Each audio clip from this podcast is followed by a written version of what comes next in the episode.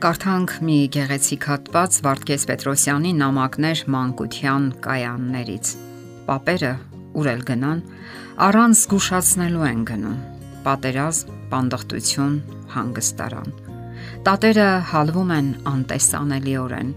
Քարե գուրը լծրած ջրի պես պակասում, պակասում, կաթիլ, կաթիլ։ Մեր աչքերը չեն նկատում այդ կատկթոցը, ու երևի դրա համար մենք չենք պահպանում տատերին Մեզ թվում է, թե նրանք միշտ լինելու են թթենու պես, խաչքարի պես, արվի ափերը միացնող սալաքարի պես։ Մեզ թվում է նրանք են,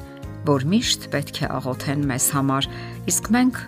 պարտք չունենք նրանց առաջ։ Ընտանեկան հարաբերություններում եւ հատկապես հայաստանյան իրականության մեջ կարևոր է տատիկների դերը։ Այդ տատիկները ավելի հաճախ հանդես են գալիս որպես կեսուրներ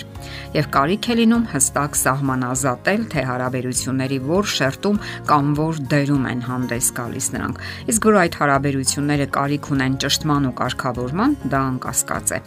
Ապրել հենց այնպես եւ ոչինչ չձեռնարկել պարզապես հնարավոր չէ։ Վաղ թե ուշ առաջանում են հիմնախնդիրներ, որոնք լուծման կարիք ունեն Գաղտնիք չէ, որ շատ տատիկներ ու պապիկներ անznազող պայքարում են իրենց զավակների բարօրության համար։ Առաջանում են նաև հարցեր, որոնք հմուտ զույգերը կարողանում են բարեհաջող լուծել։ Առաջանում են նաև լարված փոխհարաբերություններ, որոնց պատճառները բազմազան են, եւ ամենակարևորը եղել եւ մնում է այն, որ մարդկանց զգալի մասը չի կարողանում կարգավորել միջանձնային հարաբերությունները։ Տատիկներն ու պապիկները սովորաբար աչքի են ընկնում առանձնակի հուզականությամբ եւ սիրով իրենց թորների հանդեպ։ Նրանք ցավոտ են տանում, երբ մայրերը կամ հայրերը պատժում են կամ հարվածում թորնիկներին եւ բնականաբար փորձում են միջամտել։ Շատերը կարող են վկայել, թե ինչպես են տեսել, որ տատիկը կամ պապիկը արցունքոտ աչքերով հետևել է այդպիսի դասյարակչական միջոցառումներին։ Իսկ ահա միջամտությունը միայն կարող է վնասել, եթե իհարկե խոսքը շատ խիստ եղանակների մասին չէ կամ պատժամիջոցների։ Հարաբերությունները կարող են լարվել ու սրվել նաև մեծահասակների, այսինքն երեխաների ծնողների ու տատիկ-պապիկների միջև։ Ստացվել է այնպես, որ ավելի հաճախ օգնության ձեռք են մեկնում տատիկները։ Նրանք հաճախ հսկայածավալ աշխատանք են կատարում օգնում են թե ծննդաբերության ժամանակ, թե դրանից հետո ընկած երկար ժամանակահատվածում եւ դարձյալ առաջանում են բավականին բարդ հարաբերություններ։ Իսկ կարող են արդյոք տատիկները կամ պապիկները պատժել թորնիկներին կամ նվազագույնը խիստ խոսքեր ասել։ Կարող են արդյոք երիտասարդ ծնողները հանգիստ նայել, թե ինչպես են պապիկներն ու տատիկները միջամտում իրենց ծնողական դաստիարակության մեթոդներին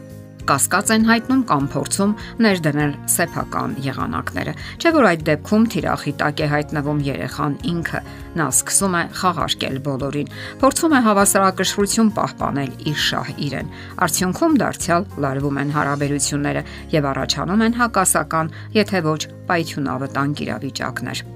Ինչպես վարվել Ամենից առաջ հարկավոր է, ինչպես նշեցինք, մտածել առանձին ապրելու մասին։ Սակայն քանի որ դա երբեմն անհնար է, ապա հարկավոր է պայմանավորվել ամեն ինչի մասին։ Կորցրած ժամանակը արժե դրան։ Ավելի լավ է կանխել, քան հետո սկսել կարգավորել կամ շտկել։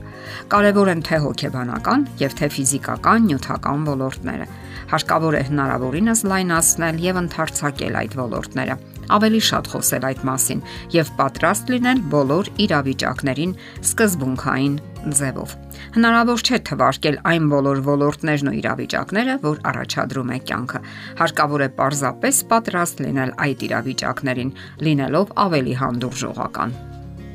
կարելի է լինել պատրաստական, որpիսի լուծեք բոլոր խնդիրները։ Ունենալ ոչ ավել ոչ պակաս հսկայական գիտելիքներ, սակայն երբեմն չի բավականացնում համբերությունը եւ ֆիզիկական, հոգեբանական ապաշարները։ Իսկ բոլոր դեպքերում հնարավոր են հիմնախնդիրներ, եթե բացակայում է ամենակարևորը՝ սերը Եթե դուք սիրում եք, կանեք հնարավորը հարթելու իրավիճակները։ Չէ որ խոսքը տարեց ծնողների մասին է, Հարկավոր է լինել ուրախadir եւ նրբանակատ, հասկանալ, թե ինչ են ցանկանում նրանք։ Անկասկած է, որ մեծահասակները սիրուց մղված են այդպես վարվում։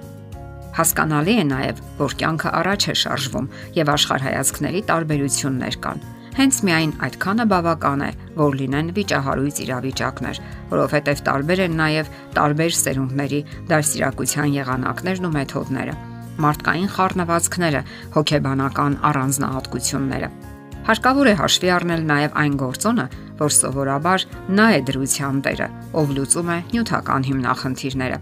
Եվ եթե երիտասարդ զույգը ցանկանում է, որ մեծահասակները չմիջամտեն իրենց գործերին, պետք է ունենան նյութական անկախություն։ Որքան էլ զգոն ու նրբանակատ լինեն մեծահասակները, նրանք անպայման կշեշտադրեն այդ գործոնը եթե նույնիսկ ոչ ակնառու, ապա գոնե ակնարկով։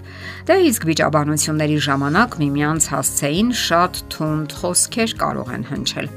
Նկատենք նաև, որ որոշ դեպքերում կողմերը պայմանավորվում են դրամական հաշվարկներով լուծել հարցերը եւ դրա մեջ ոչ մի վատ բան չկա։ Շատ ավելի լավ է խաղաղ ու հաշվարկված հարաբերությունները, քան միմյանց հասցեին հնչած ու նետված ոչ հաճելի խոսքերն ու արտահայտությունները։ Միանգամայն հասկանալի է, որ մեծահասակները եւս պետք է լինեն նրբանակատ եւ զգույշ իրենց վերաբերմունքում, թե երիտասարդների եւ թե իրենց սիրասուն թորնիկների հետ ունեցած փոխհարաբերություններում։ Իսկ դա միանգամայն հնարավոր է, եթե այդտեղ արկա է սերը։ Իսկ դուք սիրում եք ձեր տարեց հարազատներին, չէ՞ որ նրանք այնքան խոցելի են եւ այնքան փխրուն ու նաեւ շատ կարեւոր մեր բոլորի կյանքում։ Եթերում ընտանիք հաղորդաշարներ։ Հարցերի եւ առաջարկությունների համար զանգահարել 033 87 87 87 հեռախոսահամարով։